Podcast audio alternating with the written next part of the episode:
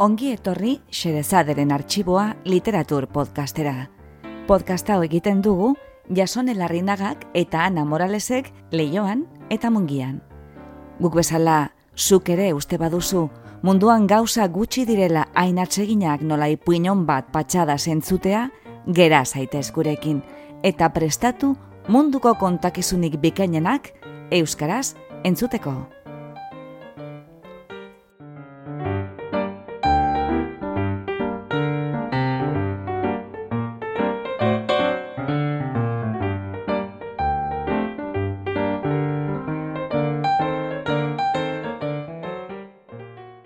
Gaur, xerezaderen arxiboan, Bea Salaberriren Baionak ez daki liburuko zenbait atal. Eta irakurtzen, xerezaderen arxiboaren ahotsaz gain, bi irakurle gonbidatu. Leiren arbaiza eta Bea Salaberri bera. Bea Salaberri, Nafarroa beherean jaio zen eta Baionan bizi da. Euskal ikasketak egin zituen Baionan eta Bordelen, eta idazlea izateaz gain, helduen irakaskuntzaren arloan egiten du lan. Euskara irakasten, irakasleak formatzen, ikasmateriala sortzen eta proiektu didaktikoa gidatzen. Idazketari dagokionez, argian eta iparraldeko hitzan kolaboratzen du, eta han eta hemen blogaren egilea da. Blog horretan idatzitako testu hautatuen bilduma bat, liburu moldean argitaratu zuen Susa argitaletxearekin 2000 eta amabostean, baionak ez daki izen burupean, eta hortixe hartu ditugu hain zuzen gaur irakurriko ditugunak. Negarra begian, mandarinak, txipiroiak donostian, euritakoa, autobusa, invisimols, gazna eta gorgoina. Bea salaberriren begiak eguneroko bizitzako gauza txikiei erreparatzen die. Tanta bakoitzaren baitan gordetzen den mikrokosmos komplexua agerian jarriz, eta horrela, berez literaturarako gai txikirik ez dagoela frogatuz. Goizalbako ibilera arrunt batek, oraindik estrenatu gabe dauden aukerez eta egiteke dauden balentries pentsatzeko era ematen digu. Usain batek, gustu batek, amaika oroitzapen eta ebokazio askatzen ditu. Makrohistoria eta mikrohistoria gurutzatzen dira txipiroi platerkada batean. Parentesi intimoak sortzen dira, ezustean, guardasol baten abaroan. Autobus txangoa eta kromo bilduma bati ekitea, esperientzia iniziatikoak dira, erabaki zailez eta lezioz beteak.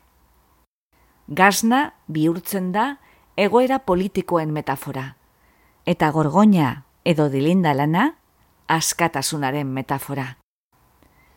Tartean, eguneroko zeregin arruntak, erosketak, garbigailua jartzea, janaria prestatzea, laneko bilerak, ume jolasak. Begizoliaren zat, ez dago urrun joan beharrik bizitzaren eta munduaren katramilez harritzeko. Bea salaberrik, lupa hartu, eta bere ondoko flora eta fauna aztertzen ditu, gehien bat, baionaren markoan kokaturik, eta bere observazioen emaitza kontatzen dizkigu, idazkera zehatz, matizatu eta ironiaz zipristinduaz.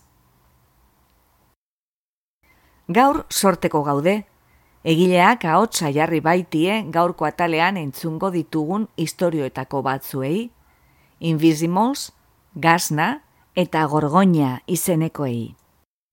Eta ez da gaur xerezaderi lagunduko dion gonbidatu bakarra.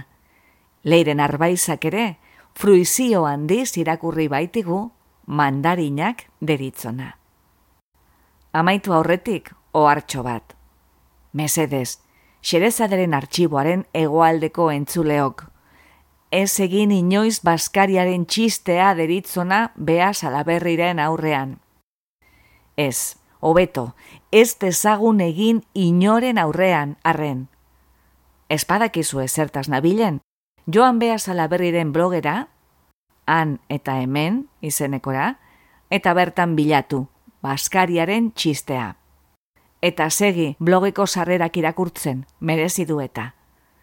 Bestalde, Bea Salaberriri Twitterren jarraitu nahi badiozue, bilatu abildua behatxo izenaren pean. Eta orain, entzun dezagun gaurko atala, baionak ez daki liburutik hartutako zenbait kapitulo.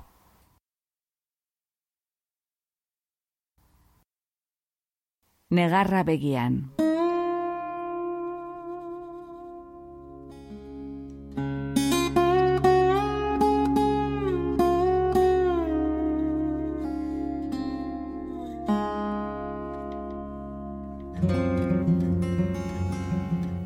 Argi astea. Salunoa, negarra begian. Ene urratz deliberatuen oiartzuna edatzen dute baionako arresi zaharrek bide arrestatuan gaindi.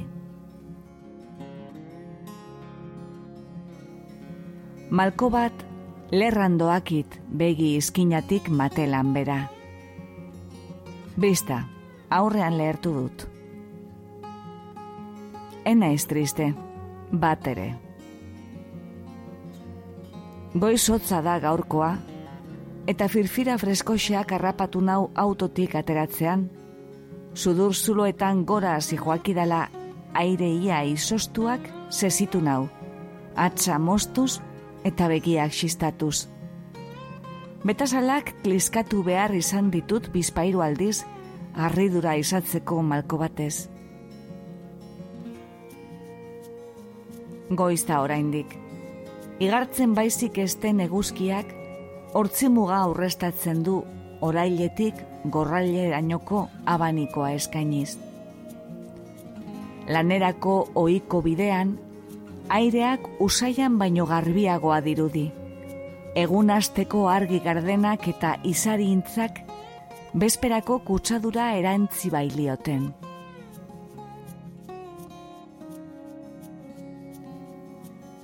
Bakarrik noa, aia, aia, zubi altxagarria iraganez, maldan behera ibai ertzera juntatzeko, iriguzia oraindik lotan dagoela. Banoa, harin, sorbeltzen baleta eta txori iritar zenbaiten tiuten artetik, isilik. Arna hartzen dut, sakon, eta kresales kargatu itxasaire bipil eta lerdena, aste arden egun virginalaren antzekoa, zintzurrean behera bular solarainoko bidean sentitzen aplikatzen naiz.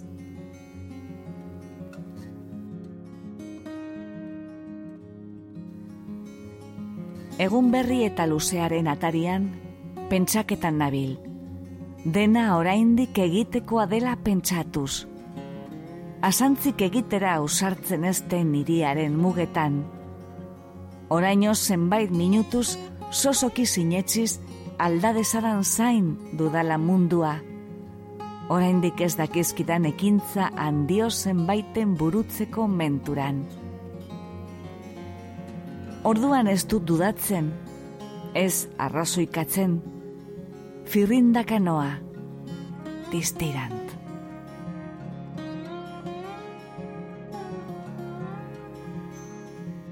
Etxeen aitzinaldeak argistatuz doaz. Eski ondo zuten adar biluzi zurpailak ere giza berean.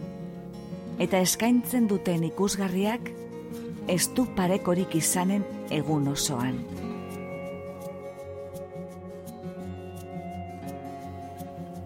Bada zerbait goizalde horietako bakardadean gati batu ezina.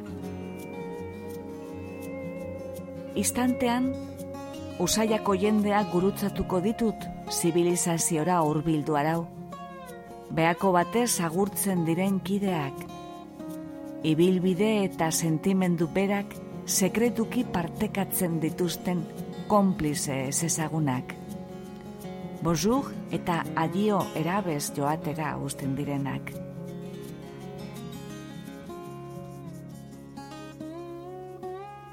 Gainaldetik iragan zait katedraleko belatza, airaldi leunean, San Andres plazarantz, pasaian gertatu urtso zirtzil guziak aizatu zarago. Badirudi, leian datorkidala ia gutarik zein lehenago heldu auzoaren beste puntara. Iriko esteetan barnanoa, beharrak zirimolan irentzian hauja da, zaratartean, iluna barrez askatzeko. Gaua jaitzi arteko gatibua. Eguna aste arbada, alderik gozoena, iragana zaio jadanik.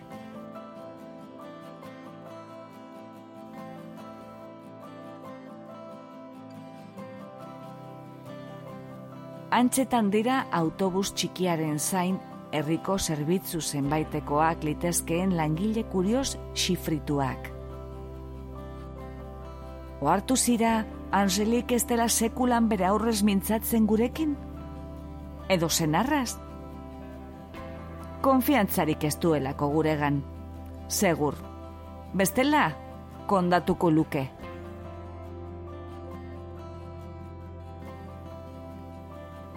karrika garbitzaliek lana bukatua dute, plaza xokuko ostatuan daude lerrokaturik, kafe minez, nire giza berean. Abaionesek fusi horik ez? Le pizan bleu. Ez duzu efini jaustea. Mi astarrek bazenekite zeza fraldiak biltzekoak zareten derbitan.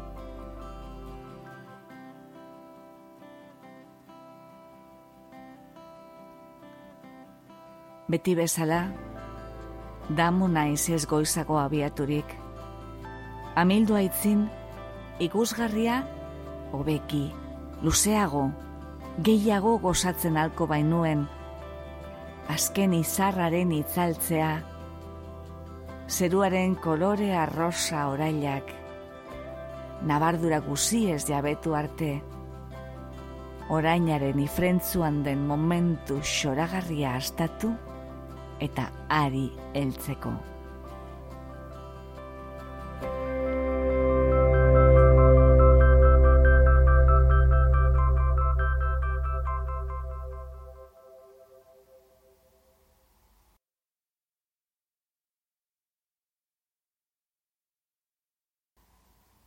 Txipiroiak donostian.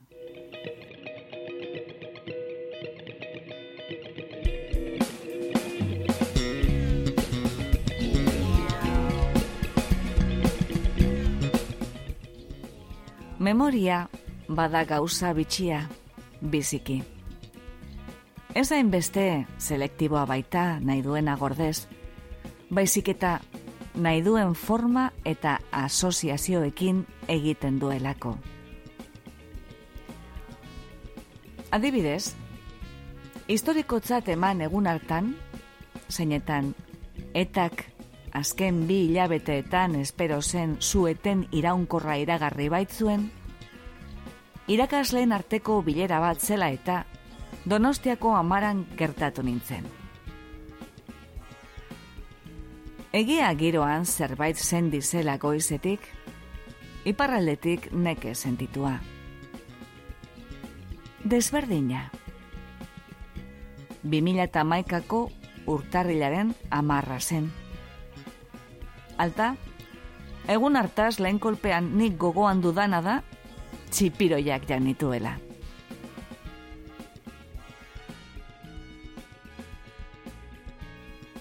Arratzaldeko biak pasatu xeak zitezkeen, eta ni amikatua.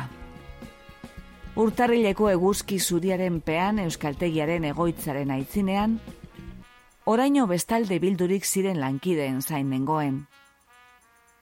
Ordu bete lehenago jakinik zuetenaren komunikatuaren berria. Ez zidan sentimendu berezirik eragin. Enaikien sobera zer pentsa eta ordukotz, nekez nezakeen irudika bidea laburra gertazitekeela libertateraino.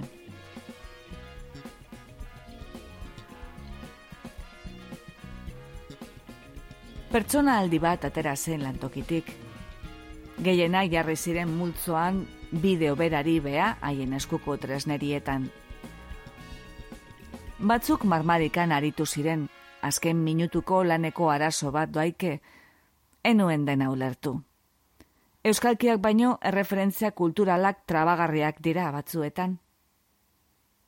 Denek arranguratuak ematen zuten. Aurpegiak markatuak, simurtuak.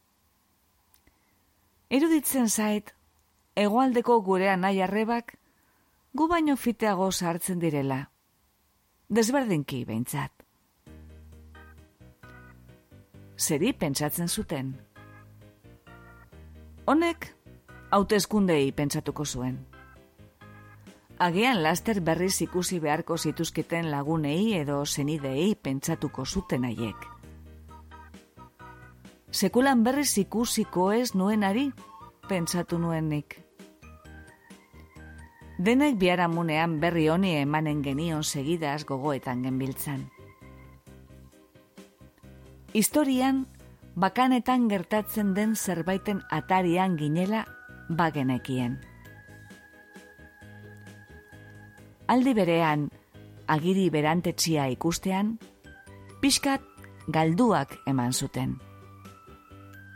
Etzen gehiago espero. Ez genekien. Goze nintzen. Biak eta mar, zigarreta lertu nuen ateratuak ziren azkenak, barne iparraldeko enelankideak. Bagara? Bagoaz baskaltzera? Bagara, bagara, aitzina baskaltzera. Baionara heldu arteko bidea ezken nuke jasanen bestela. Biak eta erdiak ziren mailan jarri orduko. Euskaraz tutik ematen etzuen zerbitzaria geure ganatu zen. Gure betiko jokuan ariko ginen, nolaz ez. Menua gazteleraz botako zigun, bost aldiz errepikaraziko genion, eta beti berdin emanen zigun, indar izpirik egin gabe letania ulergarria bilakarazteko. Pescado eta txipironez ulerturik, tira, hori hartuko genuen. Jatetxean ere, giro berezia zen, ez oiko solasak. Beatu nien alegia deusez. Barran, bigizon. Elduak. Espainolez ari ziren, denen kontra bazuten zerbait. Ordukoa sekulako aukera politikoa izan zen. Bai horixe, ez dira horrelako bat perriz ikustekotan gure hitza ez da errespetatzen. Horrela egin behar zen, zagatik ez zuten horrela egin. Bitartean, gorriak eta bi ikusi ditugu.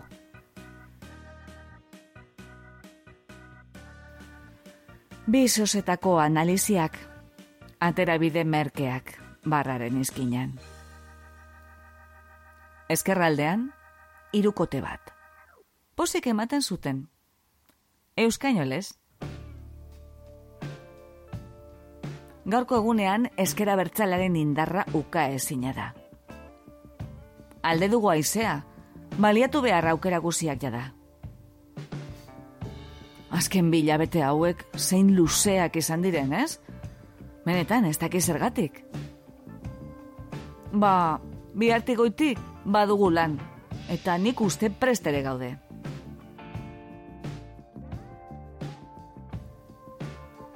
Sentitzen zen aspaldiko partez bero zirela. Bi plateren artetik solas sakon eta funtseskoak bastar batean. Eskuinekoak besterik zuen. Bosta xola kontestu politikoa.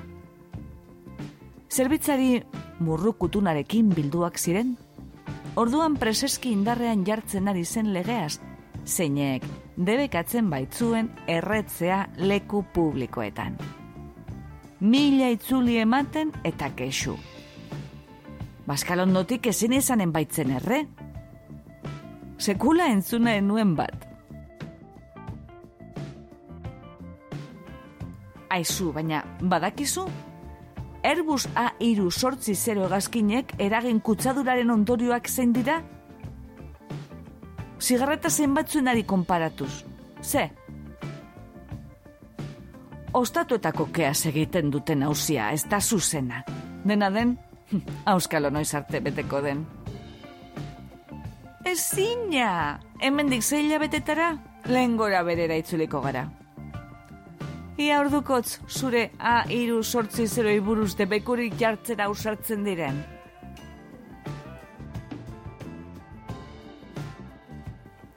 Irri egiteko parada minutu pare batez. Egun historikoa zen. Aurpegietan, posturetan, solasetan, airean ere. Donostiako aireak urtarril betean egoteko, primaderakoa zirudien, fresko eta bizkorgarria, berri eta garbia. Sentimendu eta pentsamenduak nahazten ziren erraski, hainbeste espero, hainbeste egiteko eta momentua helduta.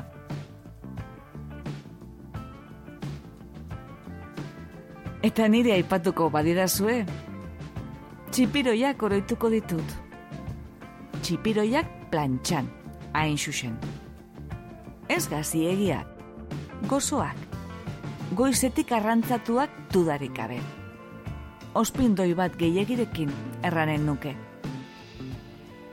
Ez zituzten beste behin eta mari jatetxean janak izan ituen beste haiek balioko, urrundik ere. Hala ere, gustatu zitzaizkidan. Txipiroien eta nidarteko kontuak. Azken arrainki puzka irentzi, egualdeko epakarrik egiten dakizkiten ebaki ahotik ezin utzi horietarik bat kliskatu, eta parti. Egun historikoa izateak alde batean, ez baitzigun egiteko demasa ez estatuko bestaldean.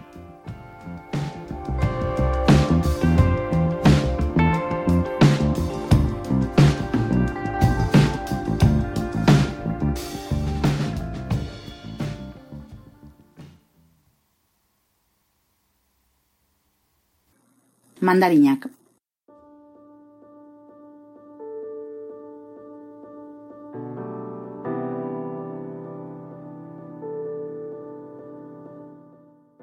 Telefonoa zirrintaka hasi zenean, tarrapataka harrapatu nuen.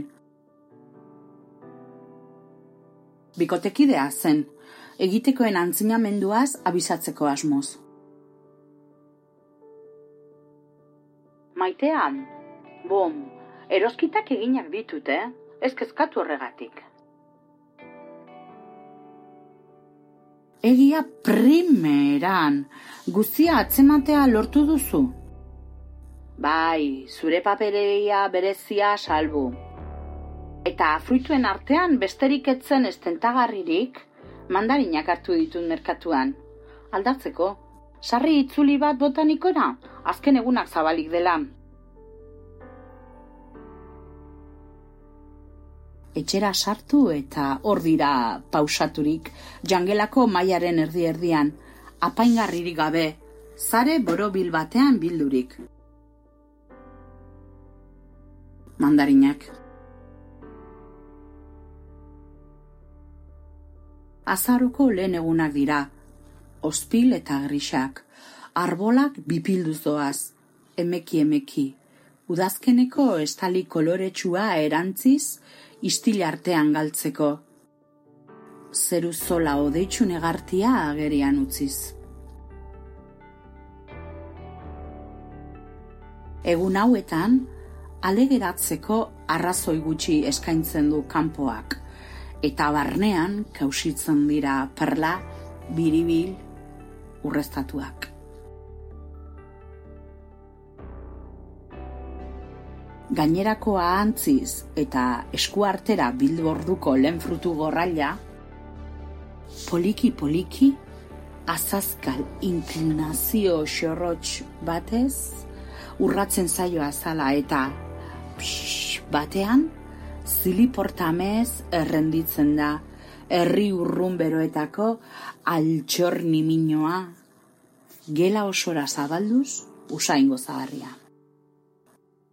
Astapena baizik ez du, baina jada bereak egin du. Irentzia izan aurreko tartea, laburra izanen zaio orain.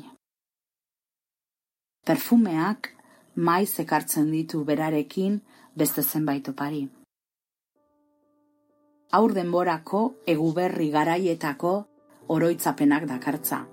Baserri zaharreko barne ilunetan, familia artean neguko fruituak banatzen zirenetakoa. Xokolate esne beroa, lurrun artetik dastatzen zenekoa. Berant arte burutzen diren jokoak oroitarazten ditu. Nork ez daki mandarina tirada luze bakarrean, xurituko duena eskontzeko ondela. Nork ez ditu oraindik sekretupean olakoa pustu txikiak egiten bere kolkorako baietz aldi bakarrean xuritu. Aldi honetan, tirada bakarra eta gainera fin-fina. Edo, behin mandarina biluzio ondoan, azala berriz biltzea, biribildurik, jatorriz bezala eta ondotik etorriko denari, ustea maizkinan. Irrik arkaila artean, utziko zaio eskutan hartzen eta purtzu pilkatzen zeinek ez zituen eguberriko izeian zintzilikatzen azala arrasto laranjak.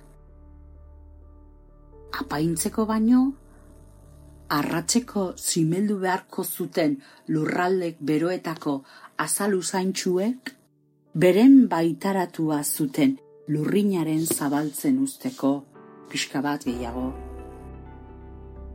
Elduaroan berdintxu neguko arratsaldeko askarietan segitzen du oasia sortzen. Lurralde tropikal lidorretako berotasuna ekarriz sukaldean xokoraino. Xerraka horatzen da. Beti pentsatuz denbora hartuko dela, ala beharko litzatekeela, gozatzeko. Eta azkenean, amen bat eskliskatzen da uda oroitzapena hau betean, protokoloak nahi lukeena zango pilatuz. Mandarinaren freskotasuna ez dute sasoiko beste fruituek, zagarrak, intxaurrak, eta bestelakoak ez zaizkio ez eta aztazalera heltzen. Bigarren mailako usta, gusturi gabekoa bilakaraziz. Xisterra xister, desagertuko da oarkabean azaroko mirakulu txikia. Juz zaporetsuaz, betez barne guziak. Zorionez, oraindik beste zenbait daude mai gaineko zarean bildurik. Merkatuan ez baitzen besterik? Zain. Zorte krudel berera kondenatu eguzki gorrail txikiak.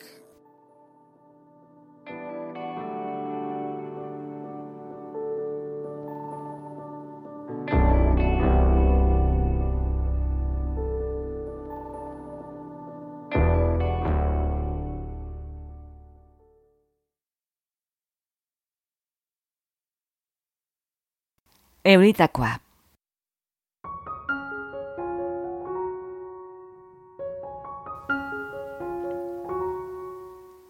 Ardura berdintzu gertatzen da. Aroaren iragarpenari bi gauzaren artetik beatu, etxetik presaka atera, euria ari du. Horrela rapatu nau, ustekabetarik eta aldi berean, ez usterik abe astapen bateko lantzur da hotzari, segida eman dio laster jario nasaiagoak eta baionako karriketan gaindinoa zipatzen. Ibilbidea laburtzeko, Espainiako karrika utzi, eta lakru eta goz kale ertzietan barna abiatu naiz baiona txipira jausteko, eta leku hauen iluntasunak, ezetasuna, azalera barnago akullatu dit. Espaloiaren bazterrez bazter murruen arrasetik noala, eraikinen telatu egalek eskaini babes erdi horretaz baliatu naiz, goze eta arraindegi karriken kantoian gertatzean, jausten ari zen konkor para soladunarekin kasik jo dugu elkar. Ala, egun on? Egun on, hau uarra, zaurienekin. Gorputza erdi makurturik aterkipean, begirada euri sorten artetik lusatu dit. Eta bide beretik, itzi gabe, tinki heltzen duen euritako beltz bustia. Esku bat lusaturik, makila mee baten puntan. Elkartasun eta laguntasunaren seinale xume bezain goxoa. Posik onartu dut gogo honez eta interesik gabe eskaini aterpea.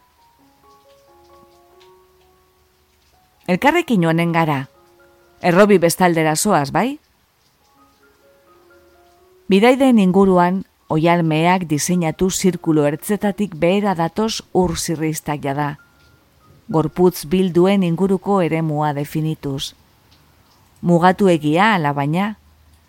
Alta, burbulla jabalgarria, gorputzen gerizatzailea, aroaren jasarpenari eten prekarioa.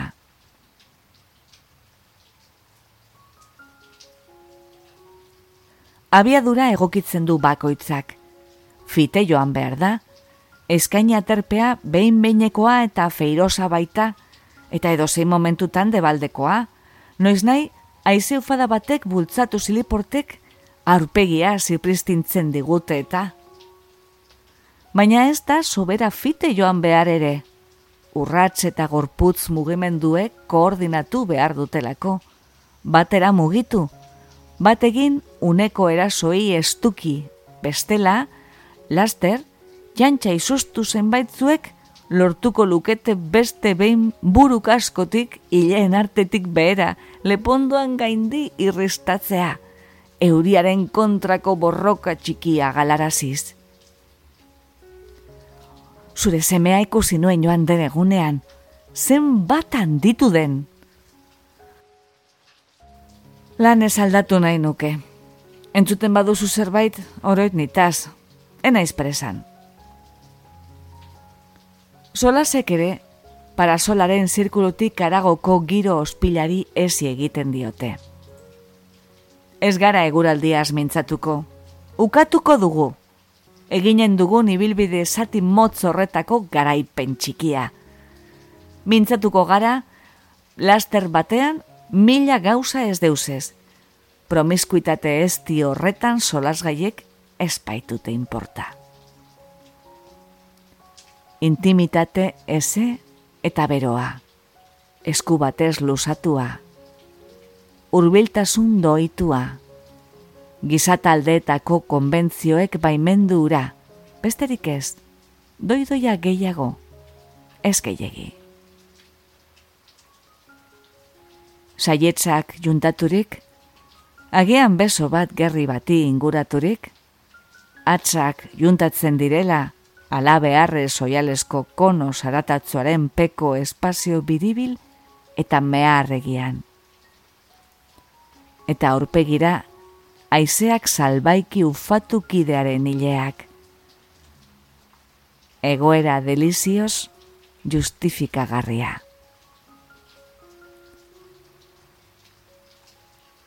Elkarrekin egin zitekeen marengorainoko bide puska bukatu dugu oarkabean. Banatzeko tenorea da. Parentesi umelari bukaera ematekoa. Pasa egunon, beste bat arte. Lusatzeko artean. Amaitu da. Bietari pat gelditu da doakion atearen aitzinean presaka gakoen xerkan, lehen bailen barnera ies egiteko. Araiz, bihar ere, euri uar bat eginen du, giza berean.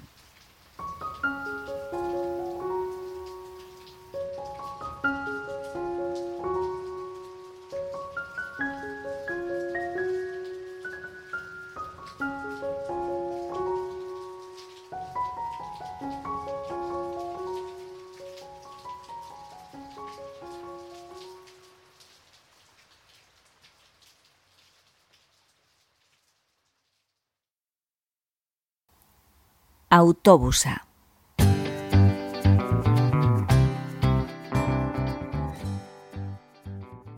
Goiz soardia da. Zerbait eder gertatuko dela iragartzen dutenetakoa. Eldu orduko, autobus gaitzaren leioetan, aur nimino aurpegi alaiak lerrokatzen doaz. Lepoa lusaturik zo, espaloian, zutik eta eskuak utzik dilindan utzi gaituzten aita amei, beako loriatzu sosola lusaturik bizpairu segunduz. Urrundira jadanik, ateralditan doaz ikastolarekin. Autobusez. Ezkinen itzordua utz egitekotan, irakaslek argiki errana zuten behar ziren pusken zerrenda helarazia, ahos eta idatziz, batez ere, aurrak horretarako programaturik. Ez nuen ahanztea lortuko. Semeak oraino nekez irakurtzen du, baina ez baita motivazioa bezalakorik, desifratu orduko gogo sekien behar guzia, errepikatzeko gizan ondoko egunetan. Eskuratu deskriptiboetan, egutegia itorik kausitzen zen berrogei bat helburu pedagogikoren zerrendaren aldean. Hortik ibelera jinen zaizkigunean, bos sentimetros azirik itzuliko dizkigute. Ala baina, gaixo irakasleak. Itzultzean, semealabek kontatua batez ere ardaztuko da autobusez ibiltzearen eta lo sakutan lo egitearen genialtasunean. Gainerako az, detaile gutxi baizik ez baitugu jasoko. Ama, autobusa bikaina zen, handi handia. Amaiur nire ondoan zen. Polita da, amaiur. Eta nik lo egin dut gaineko oean, bakizu? Andonik euski kolpea ukan zuen, eta bero zuen beti, irakasleak ezarri zion krema usaintzu bat eta pasatu zitzaion. Zinema egiten alda oial zuri baten gainean, badakizu? Egin genuen tirolina, jan genituen sosizona eta meloiak. Elisabetek eman dizkit bi figurina.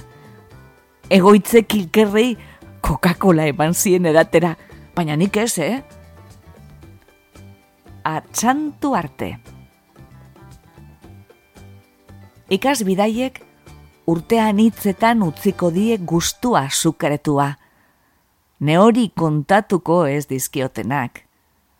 Karamelo urtuak sakeletan, aienderen sekretua, algarak, eltsu hausiki erraldoiak, askura hautsa zaindarien galtzerdietan, armi armako epean, undar beroaren leuna, erredurak, kidearen sorpresasko potxa. Lasterraldia lotegian ilunpeka. Aur larru beltzaranaren gozua. Oroz gainetik oberena autobusa da. Justuki, handaude azkenak heldurik, txitak bezala txitategian bildurik. Buru hile hori, hile gorri, kiskur baita leun, motosdun, naizkalpardun, bi ika irribarretzu euforikoak igotzen doan eguzkitan begiak erdertzirik. Sorionak matela korriturik. Keskatuagoak aitzinean edo aldean duten kideaz txoferraren abizu ez baino. Horrela da, zei urte dituzunean, aitamen gandik urrun eta irakasleen bizkar zoaz, ikastera auskalo zer. Autobusez.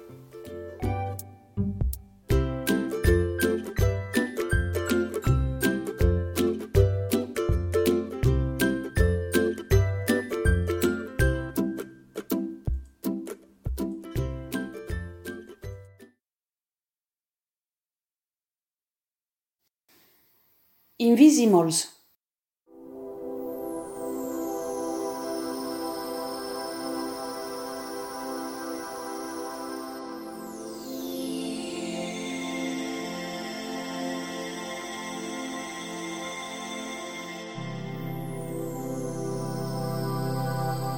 Semea, Invisimals berri zenbaitekin etorri da gaur etxera. Begira ama, haiendek, kanbiatu dizkit bi hauek erredola batekin. Bi bazu? Istantian, emanen dizut zafraldi bat berri hauekin, banoa besteekin juntatzera. Ekipoak berriz egin behar ditut.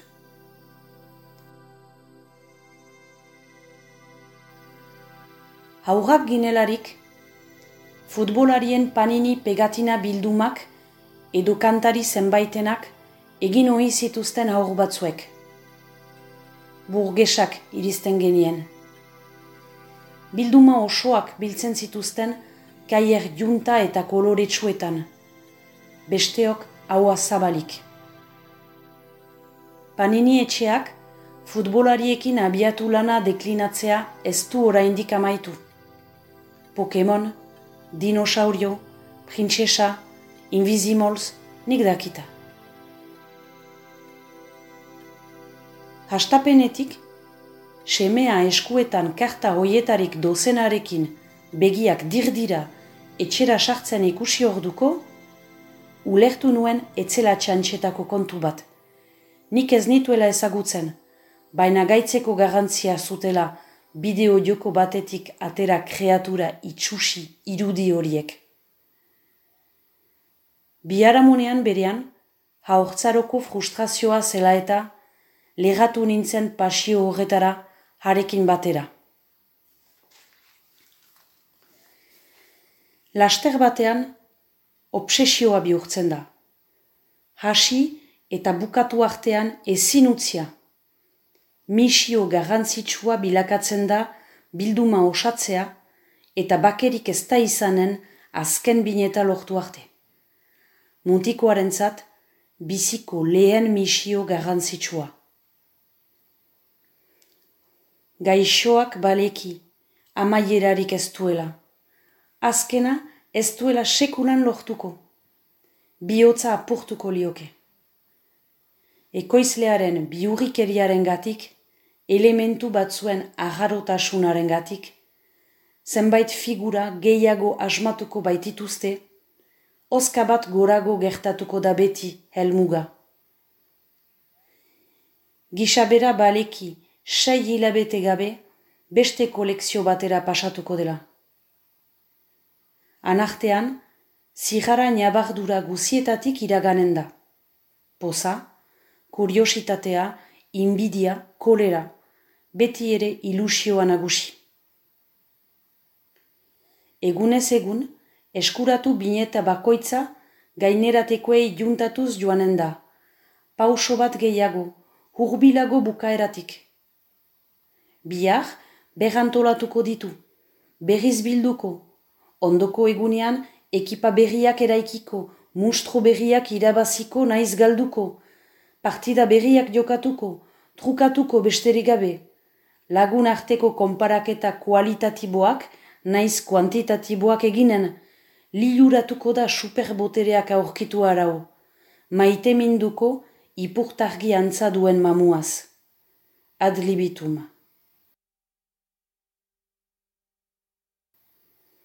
Urratx bakoitza, aitzina egitea izanen da. Damurik gabe sekulan. Ez eta bildumaren osatzeari uzten bazaio utziko delarik ere, erabakia izanen baita, hastea, jarraitzea eta bukatzea bezala. Noski, diru doia xautzea dakar. Halere, aitor dezadan, ene plazera ere bide beretik dator, semearekin jostatzeko eskakurua eskainiz. Eta zedebru, ekimen polita da, indartsua eta iniziatikoa, ororen buru deusetarako balio ez izanik ere. Helburu bat ematen du, irakasten du tematzen, eskura diren baliabideekin estrategiarik puntakoenak garatzen. Joko arau surrealistekin jokatzen, testu inguru aldaketei oitzen. Balioko diolakoan nago, berantago biziari jardukitzeko, sustut adibidez, Euskal gintzan lan egin eta iraun beharko balu. Ama, zauri, presna ez partidaren zat. Untxa gogoan badut, bart irabazinion susko elementua. Hau jokatuko badut dragoi batekin, normalki ez dit kalte handiegirik eragiten halko, eta horrela, gainerako leinuak babestuko ditut, faltan dudan arroketako pep bat irabazten saiatzeko geroago.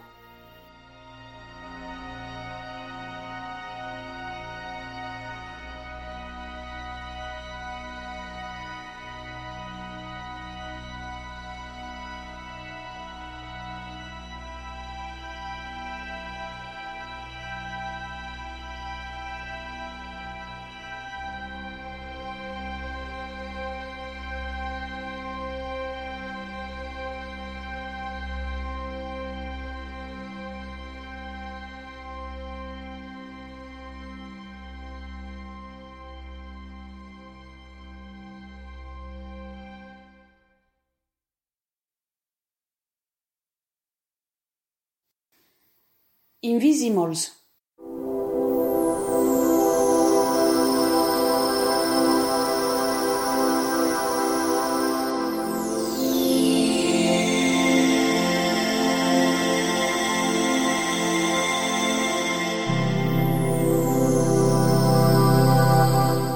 Semea, Invisimals berri zenbaitekin etorri da gaur etxera. Begira ama, haiendek, kanbiatu dizkit bi hauek erredola batekin. Bi bazu, istantian, emanen dizut zafraldi bat berri hauekin, banoa besteekin juntatzera, ekipoak berriz egin behar ditut.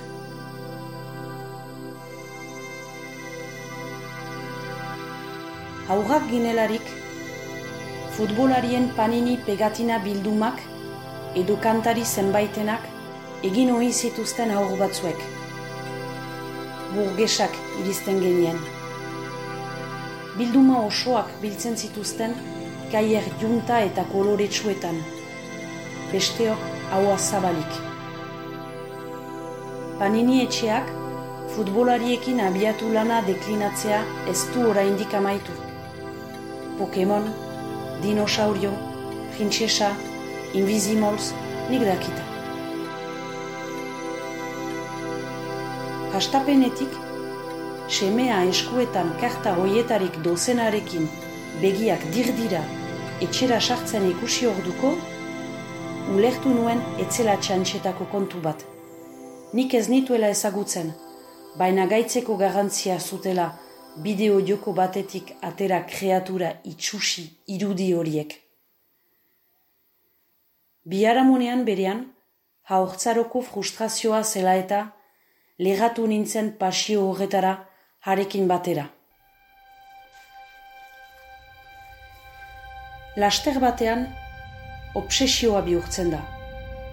Hasi eta bukatu artean ezin utzia. Misio garrantzitsua bilakatzen da bilduma osatzea eta bakerik ez da izanen azken bineta lortu arte mutikoaren zat, biziko lehen misio garrantzitsua. Gaixoak baleki, amaierarik ez duela. Azkena ez duela sekunan lortuko. Biotza apurtuko lioke. Ekoizlearen biurrikeriaren gatik, elementu batzuen aharotasunaren gatik, zenbait figura gehiago asmatuko baitituzte oska bat gorago gertatuko da beti helmuga. Gisabera baleki, sei hilabete gabe, beste kolekzio batera pasatuko dela. Anartean, zigara nabardura guzietatik iraganen da. Poza, kuriositatea, inbidia, kolera, beti ere ilusioa nagusi. Egunez egun, eskuratu bineta bakoitza gaineratekoei juntatuz joanen da. Pauso bat gehiago, hurbilago bukaeratik. Bihar, berrantolatuko ditu, berriz bilduko, ondoko egunean ekipa berriak eraikiko, mustro berriak irabaziko naiz galduko, partida berriak jokatuko, trukatuko besterik gabe, lagun arteko konparaketa kualitatiboak naiz kuantitatiboak eginen, liluratuko da superbotereak aurkitu arau, maite minduko ipurtargi antza duen mamuaz. Adlibitum.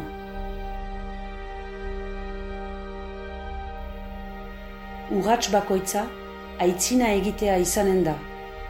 Damurik gabe sekulan. Ez eta bildumaren osatzeari uzten bazaio. Utziko delarik ere, erabakia izanen baita. Hastea, jarraitzea eta bukatzea bezala. Noski, diru doia xautzea dakar. Halere, aitor dezadan, ene plazera ere bide beretik dator, semearekin jostatzeko eskakurua eskainiz. Eta zedebru, ekimen polita da, indartsua eta iniziatikoa, ororen buru deusetarako balio ez izanik ere. Helburu bat ematen du, irakasten du tematzen, eskura diren baliabideekin estrategiarik puntakoenak garatzen. Joko arau surrealistekin jokatzen, testu inguru aldaketei oitzen.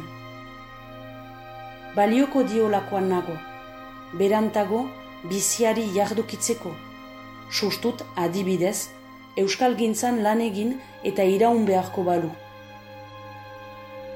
Ama, zauri, presnaiz partidaren zat. Untsa gogoan badut, bart irabazinion susko elementua. Hau jokatuko badut dragoi batekin, normalki ez dit kalte handiegirik eragiten alko. Eta horrela, gainerako leinuak babestuko ditut. Faltan dudan arroketako pep bat irabazten saiatzeko geroago.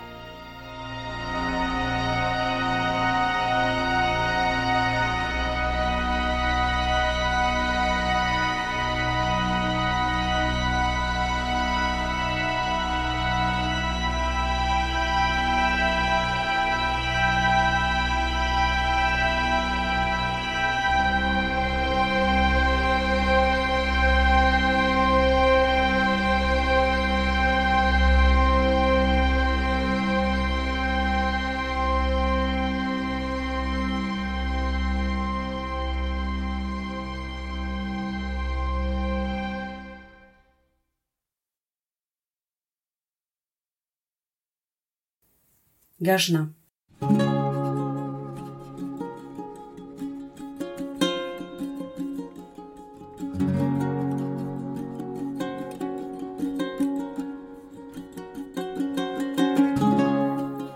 Lanetik tarrapataka haurak besapean sartu bezain laster, usaiakoak egiteko artetik, irratia piztu nuen. Programa arruntoietarik bat zen, Noiz eta ere, aktualitateko gaien inguruko tertuliak pasatzen baitituzte. Egun hartan, Ipar Euskal Herriaren zako lugalde ezagupenaren gaia jogatzen zuten luz eta zabal. Enegaren kapitulua. Proiektu edulkoratu zenbaiten haritik. Belarri batez solasak entzuten nituela, aurrak utzi nituen bata telebistaren aitzinean letargiko, naiz pampina armada baten borrokarako lehoak antolatzen, sukaldera ino joan nintzen, oskailura zuzen. Ahamen zerbait kausituko nuelako esperantzan, afari ordu arte irauteko doia eginen zidakeena. Hortik zen gazna puska batek afera eginen zuelakoan, saska batez zafla bat ateratu nion. Sentitu nintzen itxaro bordaren euniko eun bazk elaberiko pertsonaiaren gisan. Zeinek denbora akabatzen baitu gazna jaten, kolesterola tasa zapartaraztekotan, eta gugora jintzitzaidan ene aitaren gazna.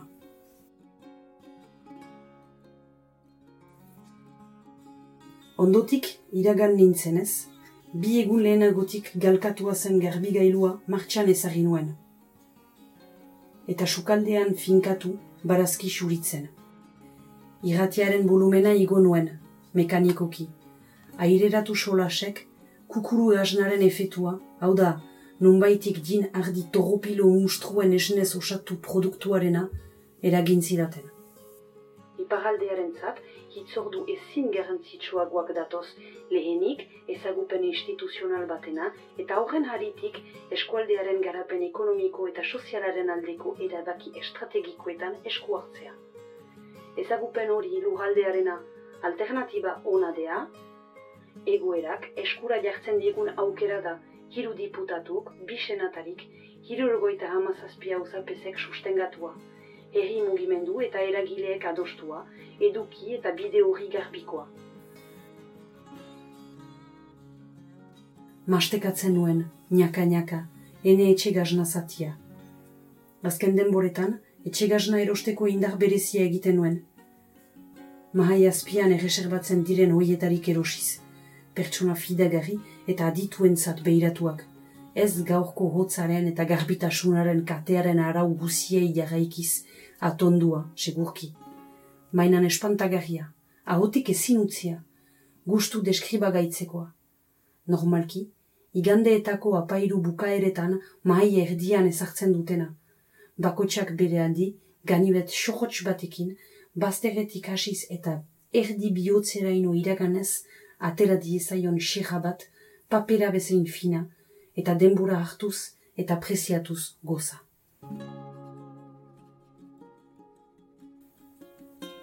Hala irakatsiak izan baikinen, eta erritualak jastatzen ari ginenaren gustua hobetzen ere baitzuen.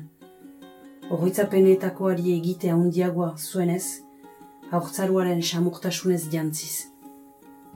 Gutxi hartuz, argia trebesian ikusteko gisa, eta urritasun horretan probetsu gehiago ateraz. Luzaz, jan izan ditut gaznak trumilka, zer nahi eta edozoin trampakoak. Gure etxeko gaznen parekorik ez dut sekulan gausitu. Artetan, diru puska sautu izan dut ustez balioko zuen zenbait ekoizpenen txeratzeko. Aitortzen dut, noizean behin, gertatu izan zaidala hurbileko zenbaiten atxemaitea. Ordukoan kasu, ahoraturik, gustua kasik-kasik berdina iritzi izan nien batzuei, eta nire baitan barna, inagosi zituzten mila sendimendu. Aita amen larderia, gure bazterren edera lagazkeneko eguzkitan, iraganeko bozak, seguritate eta betetasun sentimendua, iragan kortasun larri-garria, aurridean aingeru horpegia aztezinak, naizena eta jada ez naizena, herria, lana, aldi eta egunen arabera baikoragoak edo eskoragoak, niretzako egiak eta mundua halaber marazten zizkidatenak. Aita, emazu eno kantua, bai, badakizu, ole, ole, hori egiten duena. Zuek ez dakizu egin goitik? Mesdames, voilà du bon fromage, ah la la, voilà du bon fromage. Aritzen ginen eiaguraka denak batera dena izanik ere, ez nie zaioke gazna jateari utzi. Naturaren kontra joatea bailitzateke. Zaila bada ere, pseudo gazna industrial geza, gusturik gabeko bekatu mortaletarik ahal bezain urgun egotea. Alta, hauek ere norbait bizira onnarazten dukete. Ene gazna puskaren mastakatzea bukatzen nuela, sukaldera inu heldu ziren irratiko emanaldiaren zenbait oi hartzun, eta nire baitaraturik berriz ere gogoratu zitzaidan lugalde historio hori dela. Emankizuna bukatzeak zen, ekimenaren itzordua horretaraziz. Lugalde proiektuaren sustengu plataforma mistoko bozera mailearen adierazpenak entzunarazi zituzten bukatzeko. Euskaraz doblatu behar izan zituzten. Programan etziteke elakoan doaike. Kontsentsu kontuak seguraski. Tira, detaileak Babybel. Le Pays Basque mérite une reconnaissance institutionnelle avec les moyens propres qui lui permettraient de faire face aux défis sociaux et économiques et d'assurer son développement, mais aussi d'affirmer sa spécificité culturelle, notamment par le soutien à la culture locale, de surcroît si riche et dynamique, et la revitalisation de cette langue millénaire. Oskol ele gainezka, narkotiko purua. Askaritakoaren Etzena ikaragarria, baina bere afera bete zuena, berriz apalean nire egitekoetan segitu nuen.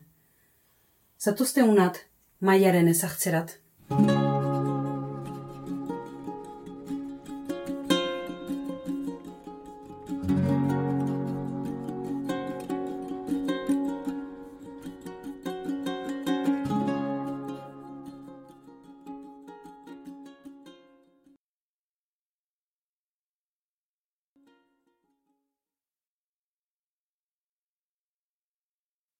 Gorgoina.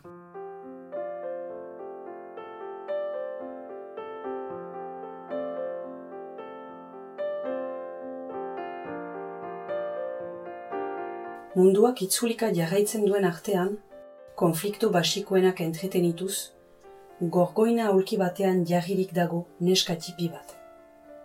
Bost urte betetzen ditu gaur maikak, eta bilintxi balantxa dabil baratze zolan, zangoak albezein bat luzatuz. Orain arte saiatu da nola edo hala oldaga hartzen, pusaka eta gorputza balantzaka. Abiadura hartzeak eta egoeraren menperatze eskasak kilikak eragiten dizkio sabelean. Ez du deus gehiagoren beharrik, dena badun eskatipi horrek. Hain da erresa.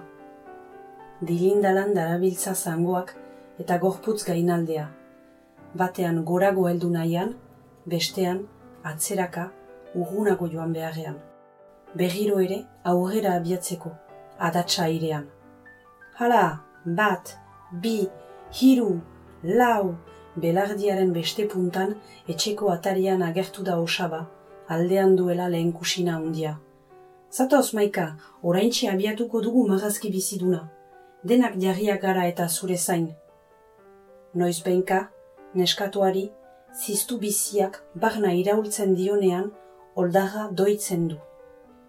Laster, gaina harturik, lorietan berriz ere, gorputza orekaren mugetaraino makurtuz, kementsu ekingo dio. Libre da maika. Segitzeaz edo gelditzeaz, nahi duenaz, eta hori ez dio lotxarik. Bai kuraia bere izariko dozenaren einean. Haize ufada bakoitzean askatasuna besarkatzen du. Agnasaldi bakoitzean heltzen dio eta iresten erraietan oratzeko.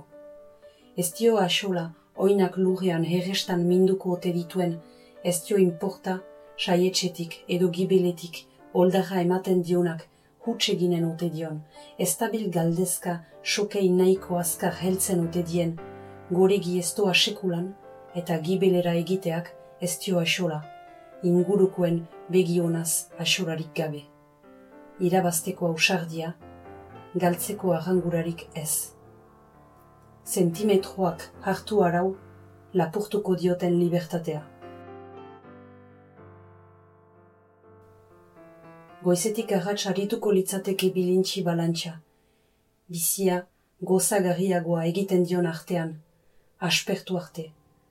Orduan, neolakoa bisurik gabe, hortxe berean abandonatuko bailuke gorgoina, iringarriagoko zerbaiten menturan. Horrela segituz gero, oin puntekin zerua unkiko du laster, eta hortzimuga dian lezake. Xantza. bat, bi, hiru, lau.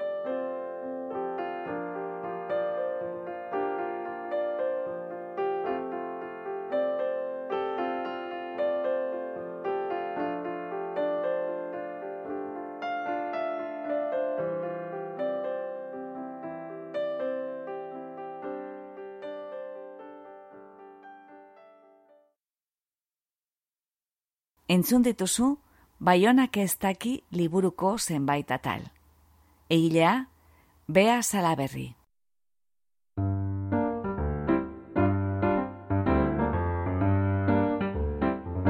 Xerezaderen artxiboko atal bat entzun duzu. Gure doinua da Charleston Behind the Attic Door, Dance of the Wind taldearena. Bizitatu gure bloga, gure audioak deskargatzeko edo online entzuteko irubebikoitz.xerezade.org Xerezade, isaz idazten da gogoratu. eta ezaztu iruzkinak ustea. Podcast hau egiten dugu jasone larrinagak eta Ana Moralesek leioan eta mungian. Xerezaderen artxiboko atal guztiak emititzen dira Bilboiria irratian eta Arrosa zarean. Mila esker gurera hurbiltzeagatik. Gustora egon bazara, erdu urrengo batean ostera ere, Xerezaderen artxibora. Laster arte!